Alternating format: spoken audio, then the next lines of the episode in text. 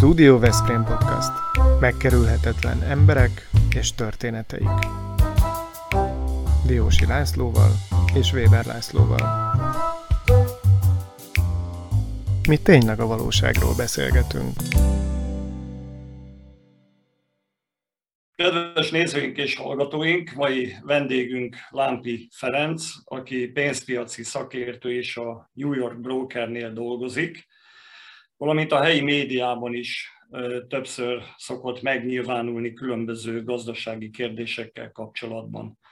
Úgy gondoltuk, hogy ebben a nehéz szituációban, mikor súlyos gazdasági válsággal nézünk szembe, akkor meginterjúvoljuk őt. Köszönjük szépen, Feri, hogy vállaltad a feladatot. Jó napot kívánok, én köszönöm a felkérést.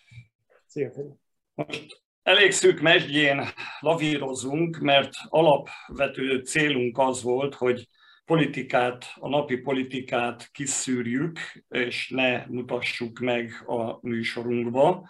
Tehát nem szeretnénk, hogyha pártpolitika beszűrődne itt a beszélgetésekbe, de ugyanakkor meg hát tudomásul kell venni, hogy azok az intézkedések, amelyek mostanság történtek, történnek, azok a kormányzat részéről indítottak, és ezért érzékeny a téma.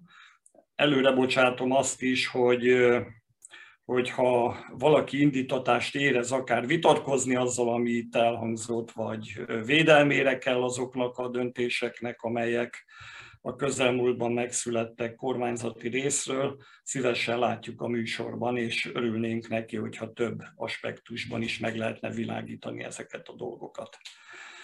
No hát, Feri, te a megnyilatkozásaiddal eh, nem nagyon spórolsz, a közösségi oldalakon is elég sűrűn megnyilvánulsz, sőt, mi több mindenféle kritikákat, tanácsokat fogalmazol meg.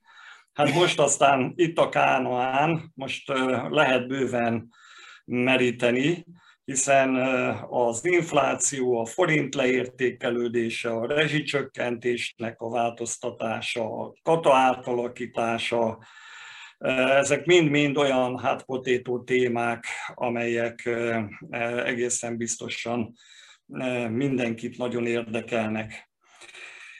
Láttam a Facebookon is, hogy tettél föl néhány bejegyzést. Most először talán úgy globálisan foglalkozunk azzal, hogy miért is jutottunk el idáig, mi is ennek a gazdasági válságnak az alapvető oka Magyarországon. Hát igen, ugye gyakran hangzik el ez a háborús infláció kifejezés ma hazánkban, aminek nyilvánvalóan van alapja, és mindenféleképpen van, van helye a, a gazdaságban. Hogyha végignézzük a történelmet, az elmúlt tíz év történetet gyorsan dióhéjba, a 2008-as válság utáni kilábalásnál ugye elkezdődött a pénznyomtatás, az egész világon ez minket sem hagyott érintetlenül, ez megtörtént. Majd ugye jött a Covid. Amikor már minden szép volt, minden jó volt, jött a Covid. A Covid-ból gyorsan ki kellett jönni, ezért hihetetlen mennyiségű pénzt öntöttünk a piacra. És, és a forint már inflálódott amúgy is, tehát a háború kitörése előtt is. Tehát, hogyha ha megnézzük itt évente a, a, a történetét ennek, akkor látjuk, hogy a magyar gazdaságpolitika egyik alapja az a forint folyamatos leértékelése volt. Valószínűleg most is az maradt továbbra is. Tehát az a monetáris önállóság, hogy a forint áll mind évről évre gyengébb legyen az euróval, illetve a dollárral szemben. Ezzel úgy, gondolták, úgy gondolják, hogy a versenyképességet lehet javítani, mivel van igazság nyilvánvalóan, hisz jelentős exportáló gazdaság a magyar, de valamit azért be kell látni itt a forint leértékeléssel kapcsolatban. Nem a legjobban legyengült devizájú országok a legversenyképesek a világon, mert hogyha így lenne, akkor Venezuela, Mexikó, meg most már Törökország a világ élvonalában lenne versenyképesség szempontjából. Uh-huh. Tehát egyrészt ez történt itt az infláció szempontjából, tehát hogy a forint folyamatos leértékelődése inflációt gerjesztett, hiszen amikor bemegyünk a boltba, akkor a ott vásárolandó termékek jelentős része import származik. Vagy amikor fizetni kell a benzinkutnál, vagy akár a, most a divatos gázszám. Tehát egyrészt a, a forint leértékelődése, ami, ami, ami köszönhetnek, köszönhető ez az infláció, valamint az, hogy Magyarországon létrejött ez a divatos kifejezést találtak ki, ez a magas nyomású gazdaság. Most mit jelent ez? A magas nyomású gazdaság az azt jelenti, hogy mind a jegybanki oldalról, mind a költségvetési oldalról döntjük bele a pénzt a gazdaságba. Ugye, a, ugye ezt úgy hívják a, a szakmában, hogy van a monetáris oldal a jegybank, és van a fiskális, ez a költségvetési. Legalább az egyiknek szigorúnak és takarékosnak kéne lenni. De nálunk a jegybank ugye folyamatosan ugye nulla közeli kamatot tartott, és mindenféle nulla hiteles programokkal és támogatásokkal igyekezett gazdaságépítést elvégezni, és ehhez még jött a költségvetésnek egy hasonló dolgai, hogy én még támogatom ezt, támogatom ezt, támogatom azt, tehát mind a két oldalról így nyomtuk bele a pénzt a, a, a gazdaságba, a vállalkozásokhoz, hogy minél több munkahely teremtődjön, és minél nagyobb fogyasztás legyen Magyarországon. És ugye ebből alakult ki a, a, az a fajta infláció, ami, ami már a háború előtt is történt. Sőt, megítélésem szerint az úgynevezett árbér spirál, akitől ugye mindenki retteg, ez már azt gondolom a tavalyi év végén már Magyarországon jelen volt. Uh-huh. És akkor még hozzáteszek azt, egy pillanatra álljunk meg, mert most áttekintettél egy tíz évet, de akkor menjünk ennek a tíz évnek az elejére. Te körülbelül 2012-13-ban nyilatkoztál úgy nyilvánosan, tehát a sajtóban megjelent, hogy dicsérően beszéltél a Nemzeti Bankról, tehát a monetáris politikát, akkor éppen te dicsérted. Mi történt? Ez egy tudatos váltás, és annak foghatjuk föl, hogy változott az irány, vagy rángatnak minket a világ erői?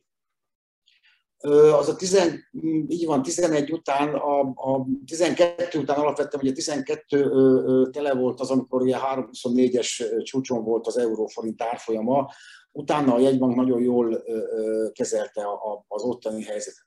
A probléma az most, most az volt, ami egy, egy, egy kicsit ugye nem pozitívan nyilatkozok a jegybank tevékenységről, bár fogok mondani olyat is, hogy a jegybank nagyon jól látta az inflációs tendenciákat már a háború előtt.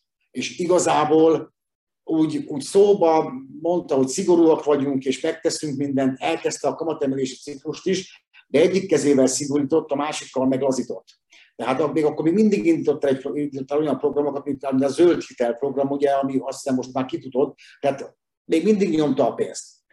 Tehát, tehát ez mindenféleképpen az MNB-nek a hibája, hogy azt gondolom, hogy túl késő reagált a monetáris politika, és nem elég eréje. Sőt, sőt, lehet, hogy nem is reagált, mert hadd áruljam el ezt a titkot a nagy közönség előtt, hogy az én cégem egy hónappal ezelőtt még, egy hónappal ezelőtt kétszázalékos hitelt kapott, folyószámla hitelt. Igen. Akkor, amikor az infláció már egyébként 12-13 százalék. Szóval nem tudom, hogy ez nekem nagyon kedvező nyilvánvalóan, meg másoknak is, sokaknak, de hát ez hol van a felelősségteljes gazdálkodástól? Igen, igen, igen, igen, igen, igen, igen, is tudnék ilyen hasonló példákat mondani, Laci, amiket említettél az idén. Azt gondolom, hogy, hogy kifelé kommunikációba az MNB elkezdett kommunikálni nagyon szigorúan, de nem tette. Tehát egyik kezével kicsikét emelgette a kamatokat, nem tett igazából olyan, olyan intézkedéseket, tehát most ezt majd lehet, hogy ki kell vágni, de azt mondom, hogy, hogy úgy akart szexelni, hogy szűz maradjon. Tehát és, és, és ez, ez, ez, ez, ez nem megy. Tehát ez nem De hát retten, rettenetesen, rettenetesen devalválta a forintot, mert megnéztem, hogy 2017-ben 100 forinttal kevesebbet ért az euró. Igen. Tehát, tehát 5 év alatt, 5 év igen. alatt 100 forintot gyengült a pénzünk. Igen, igen. Ez így van, Bazikám, ez, ez, ez, ez, ez így történt, így van. Így van, így van, így mondom, ez a magas nyomású gazdaság, ami, ami, ami ezt tette. Az MNB-nek, ami, ami a, a javára írható, az az, hogy többször felhívta a költségvetés figyelmét arra, hogy a szigorításba ő egyedül kevés lesz. Tehát na jó, de hát, na de hát jött ugye természetesen a választás, ahol számolatlanul nyomták ki a pénzt, és most isszuk a levét. Igen, ez én azt gondolom, hogy ez rettenetes hiba volt, ez a, ez a felelőtlen pénzszórás, tehát egészen elképesztő összegek mentek ki ide-oda. Nem akarok példákat mondani, mert nyilván nem akarok egyik szektort sem megsérteni, de valamit be kell látnunk. Ha valaki elmegy valahova egy disznóvágáson, az a disznónak négy sonkája van. Abból hatot megenni nem lehet.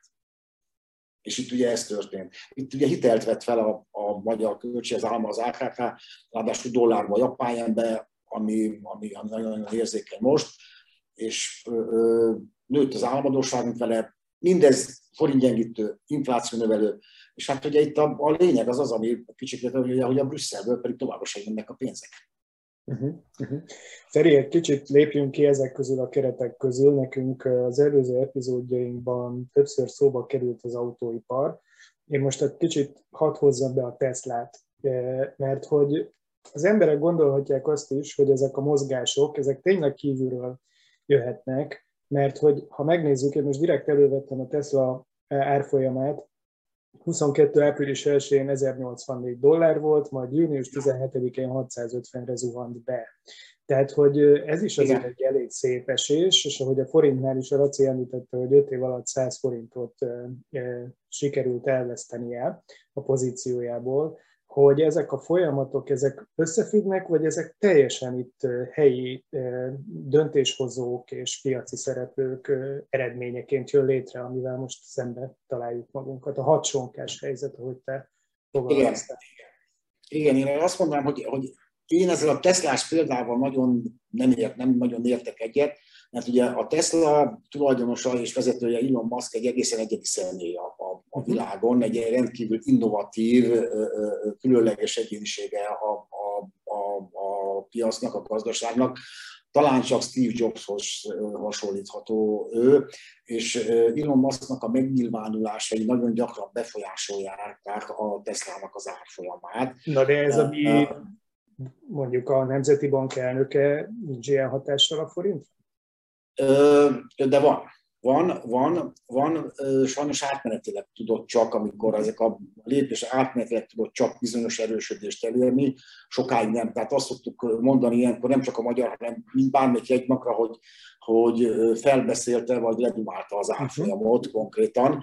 Aztán ezzel hosszabb távon, hogy mennyire sikeres vagy, vagy, vagy mennyire nem, ez, ez már egy másik dolog itt, a, itt azt kell látni a forintnál, hogy, hogy a viszonyításokat ö, tudjuk nézni. Hát ha meg tudjuk nézni a lengyel zlotyinak a, a viselkedését, ami ugye versenytársnak tekinthető, vagy akár még a cseh koronájét, viszont teljesen másképp viselkedett 2017 óta, mint, a, mint, mint mi, ö, ö, vagy akár mondhatnám a, a horvát kunát, ami ugye 15 éve, 7 és fél. Ez ugyanaz, ugyanaz az ugyanaz, igen, igen, pár év ugye rögzítették, hiszen ugye euró előszobájában voltak, és ugye január 1 Horvátországban ugye már Kínával fogsz, vagy euróval fogsz Euró. Tehát, de hogy a lengyel zlocsit megnézzük, tehát nézzük azt, hogy az egymáshoz való viszony. A háború kitörése előtt 74-75 forintot kellett adni egy zlotyiért uh-huh. magyar forintba, jelen pillanatban 84-85-öt. Tehát több mint 10-15 százalékkal teljesítettünk rosszabbul a lengyel zlotyinál pár hónap alatt. De hogyha ezt visszanézzük 2017-től, akkor, akkor bizony ezek, ez olyan 50-60 forint volt egy, egy, egy zloty. Tehát lényegesen rosszabbul teljesítünk, mint a versenytársai. Uh-huh. Uh-huh. Mondom, ennek, ennek egyrészt tudatos dolga van a forintra értékelődése, hát másrészt meg megvannak azok az okok, amelyek, amelyek miatt a forint nem egy kedvenc deviza, és ezt sajnos mindannyian érezzük a, a pénztárcánkon minden nap most már. Így van. Arra lennék kíváncsi, hogy ugye elfogadta a friss döntés, elfogadta a parlament a jövő évi költségvetést. Igen. Én ezen nagyon meglepődtem, mert azt gondoltam, hogy, hogy most, amikor várhatóan egy 15-16 százalékos inflációval kell számolni, akkor a jövő évi inflációt 5,2 százalékban eh, becsülték meg, vagy ennyit vetítettek elő. Meg 4,1 százalékos GDP növekedést. Holott ugye minden azt mutat, minden arra felé mutat, hogy egy, egy nagyon durva válságba gyalogolunk bele, Hát lehetnek ezek reális számok? Még akkor is, ha esetleg az EU megkönyörül rajtunk, és bűnbocsánatunkat elfogadja, és megadja a szükséges támogatást. Igen, az, én is meglepődtem ezeken a számokon, és nem mi vagyunk ketten, azt hiszem, akik, akik ezen a, ezeken az előjelzéseken, mint a költségvetésben szerepel, ezen kicsikét elgondolkodtak. Rendkívül optimisták ezek a, a, számok, amelyeket a 23-as magyar költségvetés tartalmazás, úgyhogy egy 3,2%-os hiányciát vetít előre. Én azt gondolom, hogy a, hogy itt nagyon optimista és nagyon kedvező folyamatoknak kell lejátszódni, nem csak nálunk, hanem Európában, sőt az egész világban ahhoz, hogy ezek teljesüljenek. Az inflációhoz mindenképpen kell az, ugye, hogy itt a, ez a gáz meg az olaj problémák megoldódjanak, és nyilvánvalóan kell egy forint erő is hozzá, de azért itt lehet játszani mindig a számokkal, hisz ugye most fizettünk majd mondjuk októbertől vagy szeptembertől, ez eddigi 100 forint helyett mondjuk 200 forintot a, a, a gázszámláért, onnantól kezdve az lesz a bázis és egy év múlva akkor lehet, hogy csak 195 forint lesz az a gáz, és akkor az már nem olyan inflációt növelő tényező. Tehát lehet játszani itt a, a számokkal nyilvánvalóan, de ezt az inflációs célt ezt nagyon-nagyon nehezen tudom elképzelni, hogy ez teljesüljön.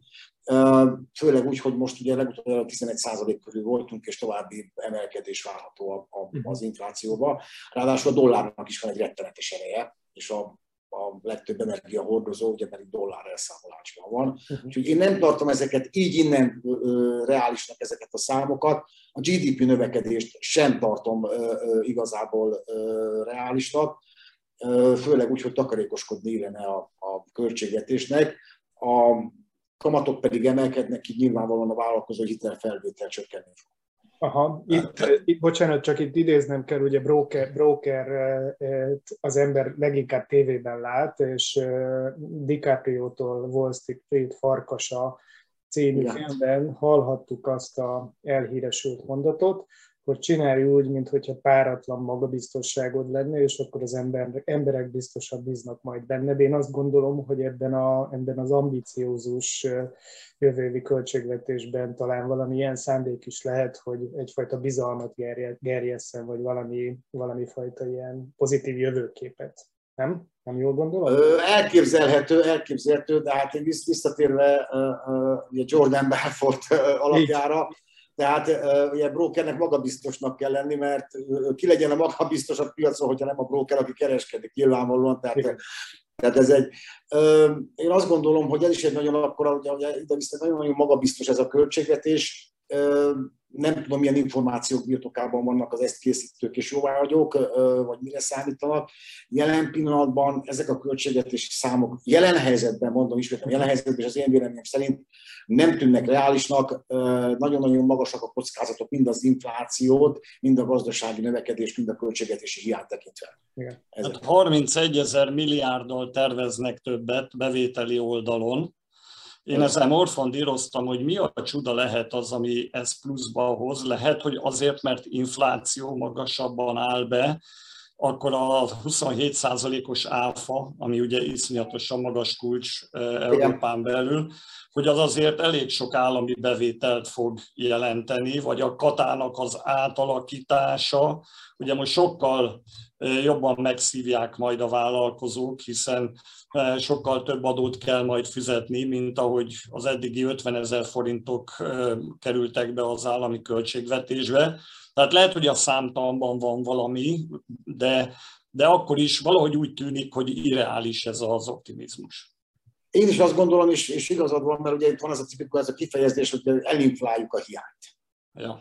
Ugye, tehát ez, ez, ez ugye, ugye, ugye ezzel, ez, ez egyfajta módszer, és az infláció valóban nagyon-nagyon fenyegető, és hogy az infláció, nagyon nehéz lesz megfékezni az inflációt.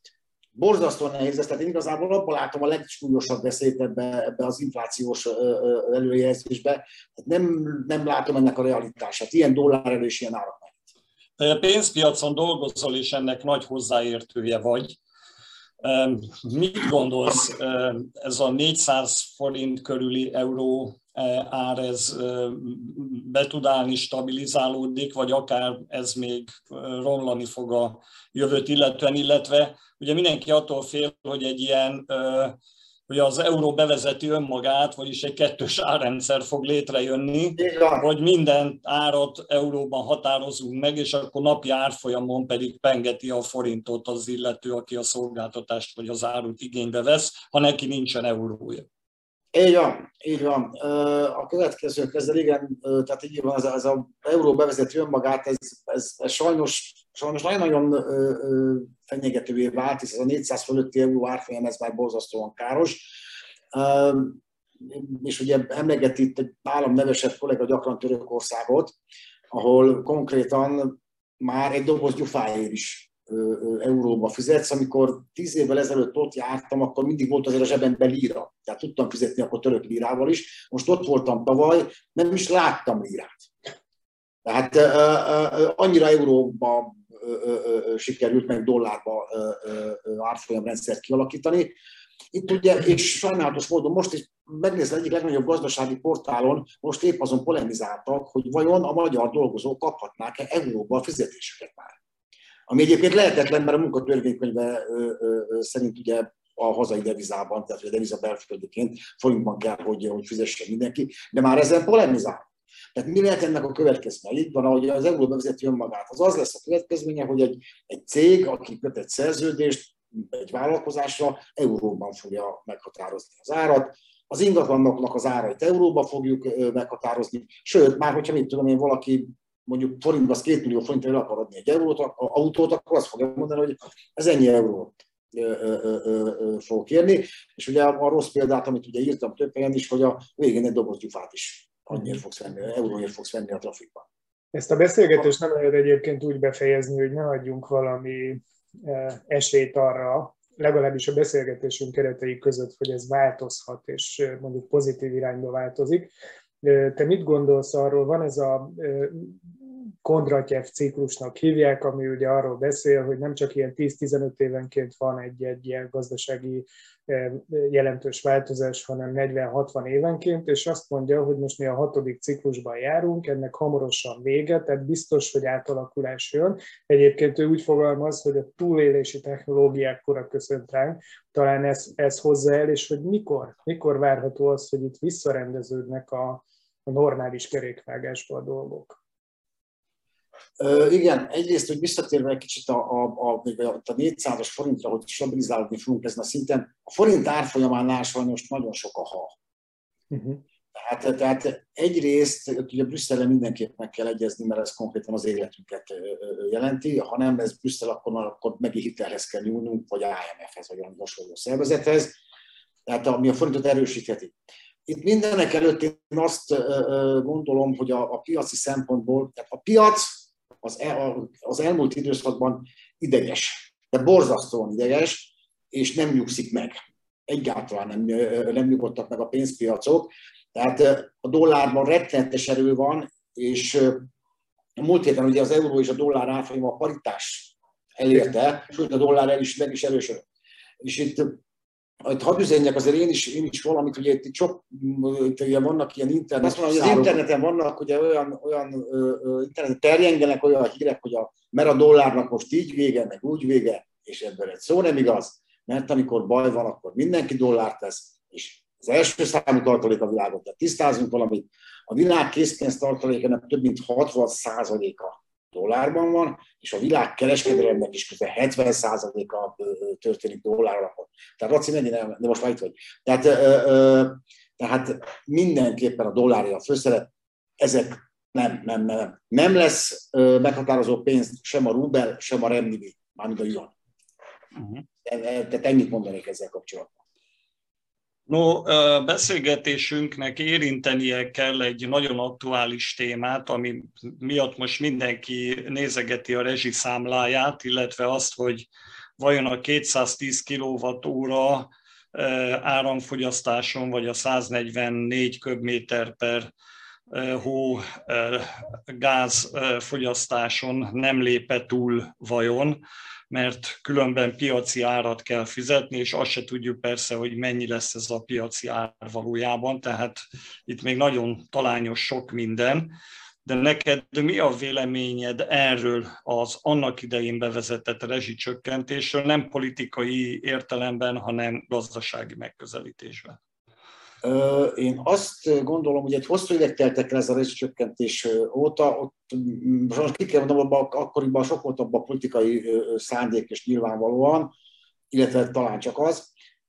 Én ugye itt rettenetes számok terjengenek most a, a, a, az interneten, hogy ki hogy fizet, mit fizet, mit csinál. Soha nem jutalmazza azt jól a befektetői kör, hogyha beleavatkozunk a piaci folyamatokba.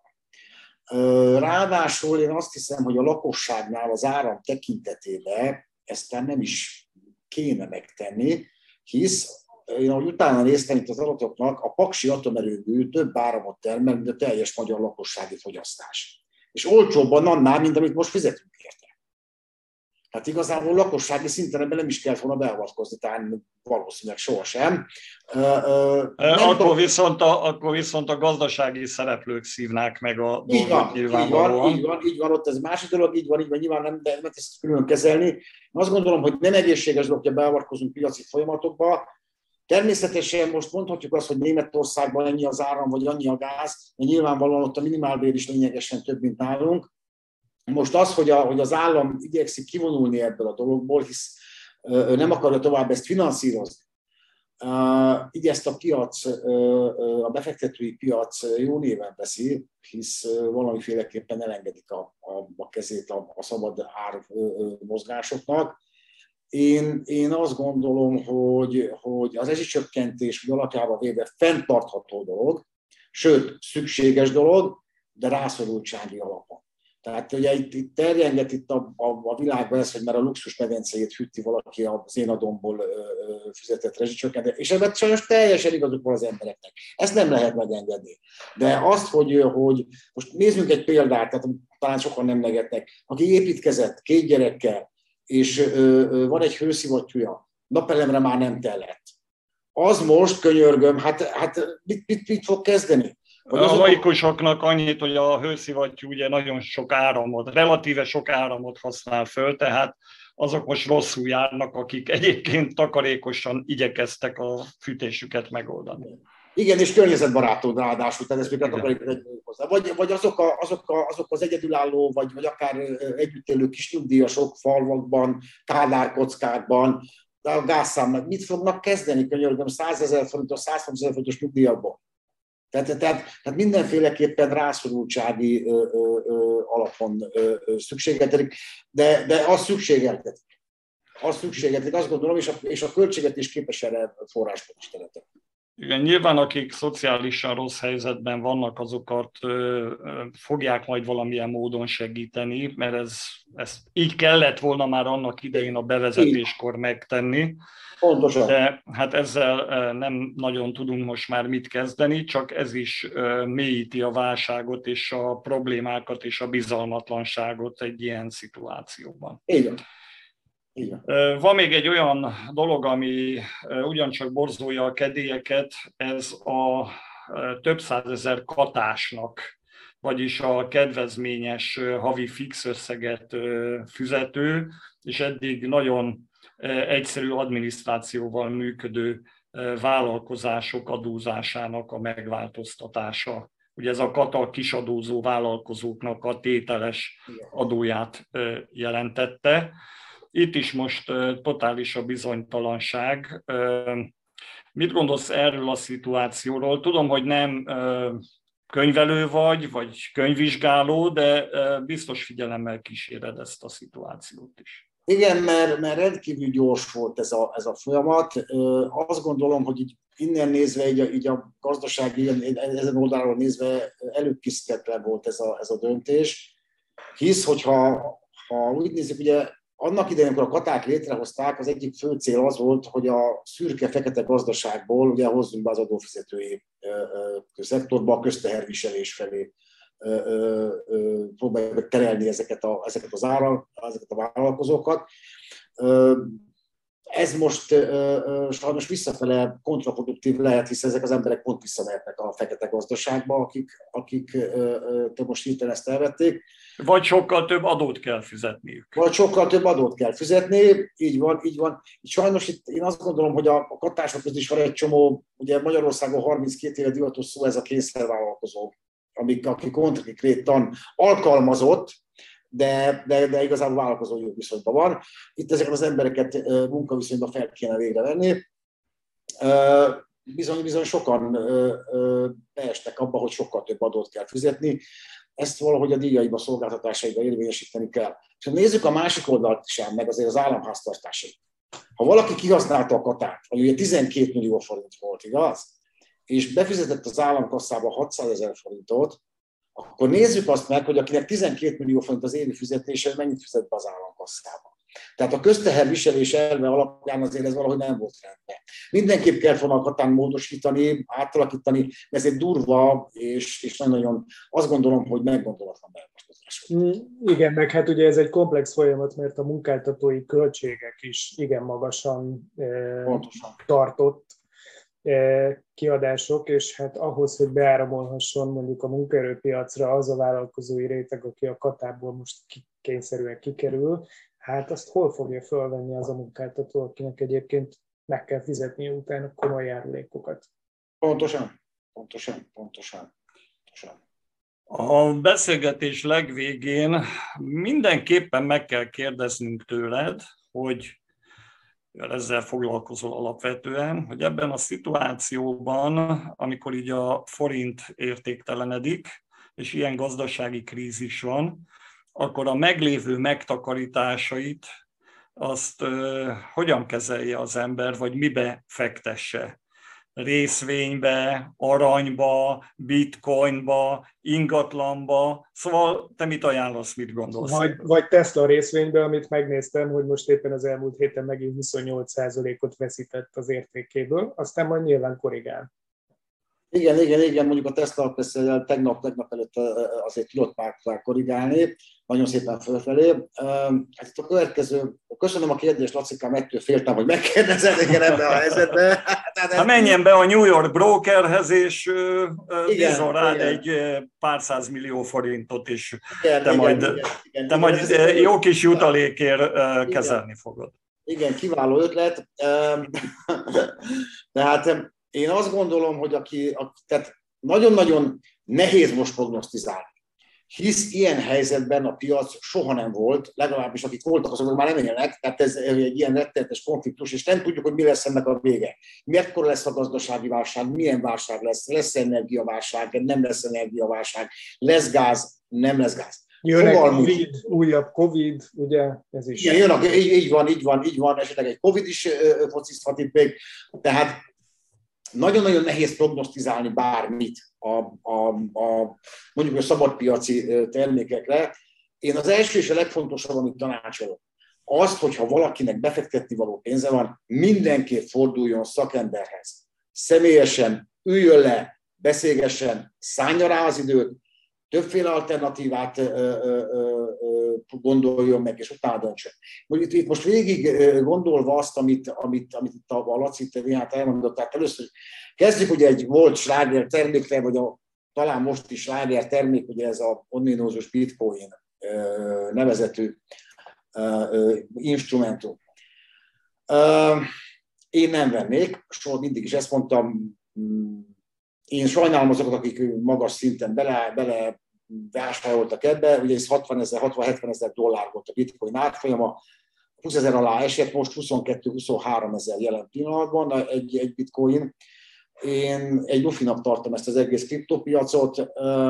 Warren Buffett legendás mondásával értenék egyet, hogy amíg ugye jó szelek fújnak, addig bármilyen kutya kriptóval lehet sokat keresni, de amikor ugyan az apáll, akkor ezek a befektetők ott állnak a vízbe letolt gatyával. És jelen pillanatban a bitcoinnak a piacán ez történik.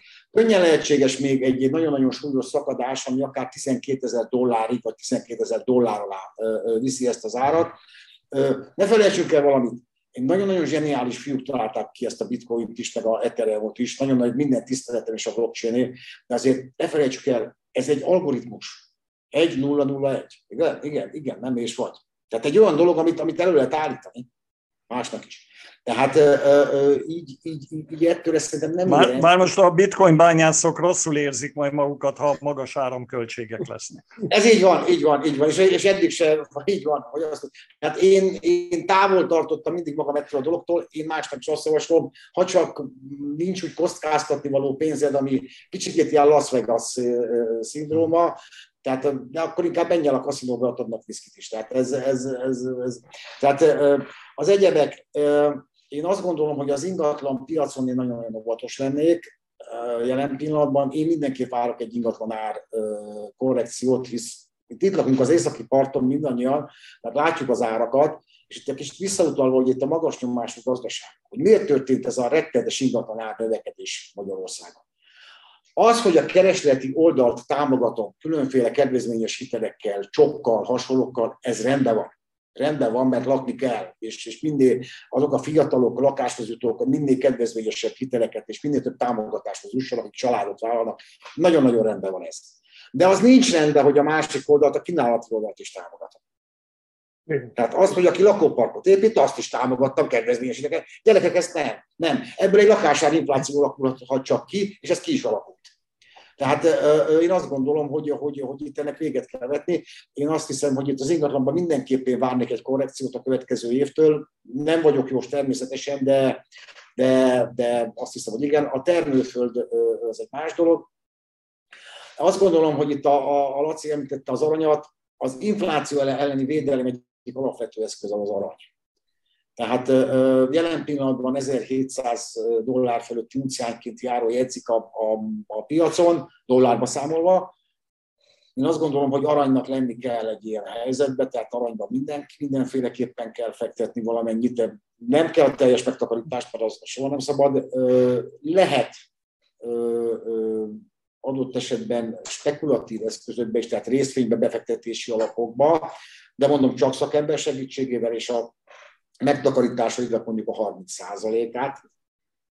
Illetve most, jelen pillanatban bele lehet lassan vásárolni a magyar államkötvénybe is. És azt is elmondom, hogy miért. Ha a Brüsszel igen mond, akkor a hozamaink elkezdhetnek csökkenni, a kötvényérték pedig nőni, tehát akár jó befektetés is lehet. Ha Brüsszel nem mond arra, hogy nem ad nekünk pénzt, akkor egy komolyabb probléma alakult ki a kötvénypiacon, az államkötvények piacán, akkor lehet még egy hozamemelkedés, mielőtt valaki más finanszírozót tudunk találni, és akkor érdemes bele, bele ö, ö, vásárolni a magyar államkötvénybe. Hát, tehát ezzel is lehet. Hát én azt mondanám, hogy, hogy egy, egy, egy pénz, meglévő pénzmennyiség, ami most a, a fiókban van, vagy bankszámlán, ahol inflálódik jelen pillanatban, én azt mondom, hogy 30% arany, 30% valamiféle befektetés, de csak szakember segítségével, és 30%-a pedig lehet gondolkodni esetleg kötvény Ennyi. És, az, és a forintra tartsuk, tartsuk a pénzünket, vagy vegyünk eurót és dollárt inkább? Uh, Na, ez is egy nehéz kérdés. Ez is egy nagyon-nagyon fogós kérdés. Én megmondom őszintén, én kicsit optimistább vagyok a forint jövőjével, mint, mint sok kollega. Én várok még egy forint erősödést az euróval és a dollárral szemben is. Ha egyszer béke lesz, és, és újra lesz a, a, azok úgynevezett befektetők, akik a, a forintot majd veszik a kamatért, én várok akkor egy akár 360-as euró forintot is, én azt gondolom, de a forint devalvációt, a forint leértékelődése tovább fog tartani a következő években, bármi történik, tehát hosszú távon mindenféleképpen a, a, az euró, illetve a dollár mindenféleképpen jó, de, de hosszú távon. Tehát én jelen árfolyamon nem, mert ezt magasnak találom. Uh-huh. Köszönjük Tehát, szépen. Kedves nézőink és hallgatóink, a Studio Veszprém podcastot nem támogatja sem az állam, sem az önkormányzat, sem pedig az LKF, mi csak azokra támaszkodhatunk, azokra a helyi vállalkozásokra, cégekre, amelyek értékesnek tartják a munkánkat, és érdekesnek a beszélgetéseinket a megkerülhetetlen emberekkel. Köszönjük a Royal Kertnek, a Targonca Trade-nek, a Nelson biztosítási alkú ZRT-nek, a Vitakin Kft-nek, az Assix-nak, a Nyugalomnak, az Unilever Algidának, a Westlife Sofia magánklinikának, a Ringautónak, a Bramag BMI-nak, a Kuti és Fia Kft-nek, a Tornai Pincészetnek és a Hester's Life-nak, hogy segítenek bennünket, ők alkotják a Patronus klubunkat. És köszönjük Lámpi Ferencnek ezt a beszélgetést, ami nagyon érdekes volt, és talán nyújtott egy kis muníciót mindazoknak, akik most tanástalanul tárják szét a kezüket, hogy mikor csapkodnak a villámok, akkor mit is csináljunk. Köszönjük szépen, Feri! Köszönöm. Én köszönöm a lehetőséget, minden jót kívánok. Viszont hallás, viszont Ez a Studio Veszprém műsora volt. Hallgasson ránk minden pénteken!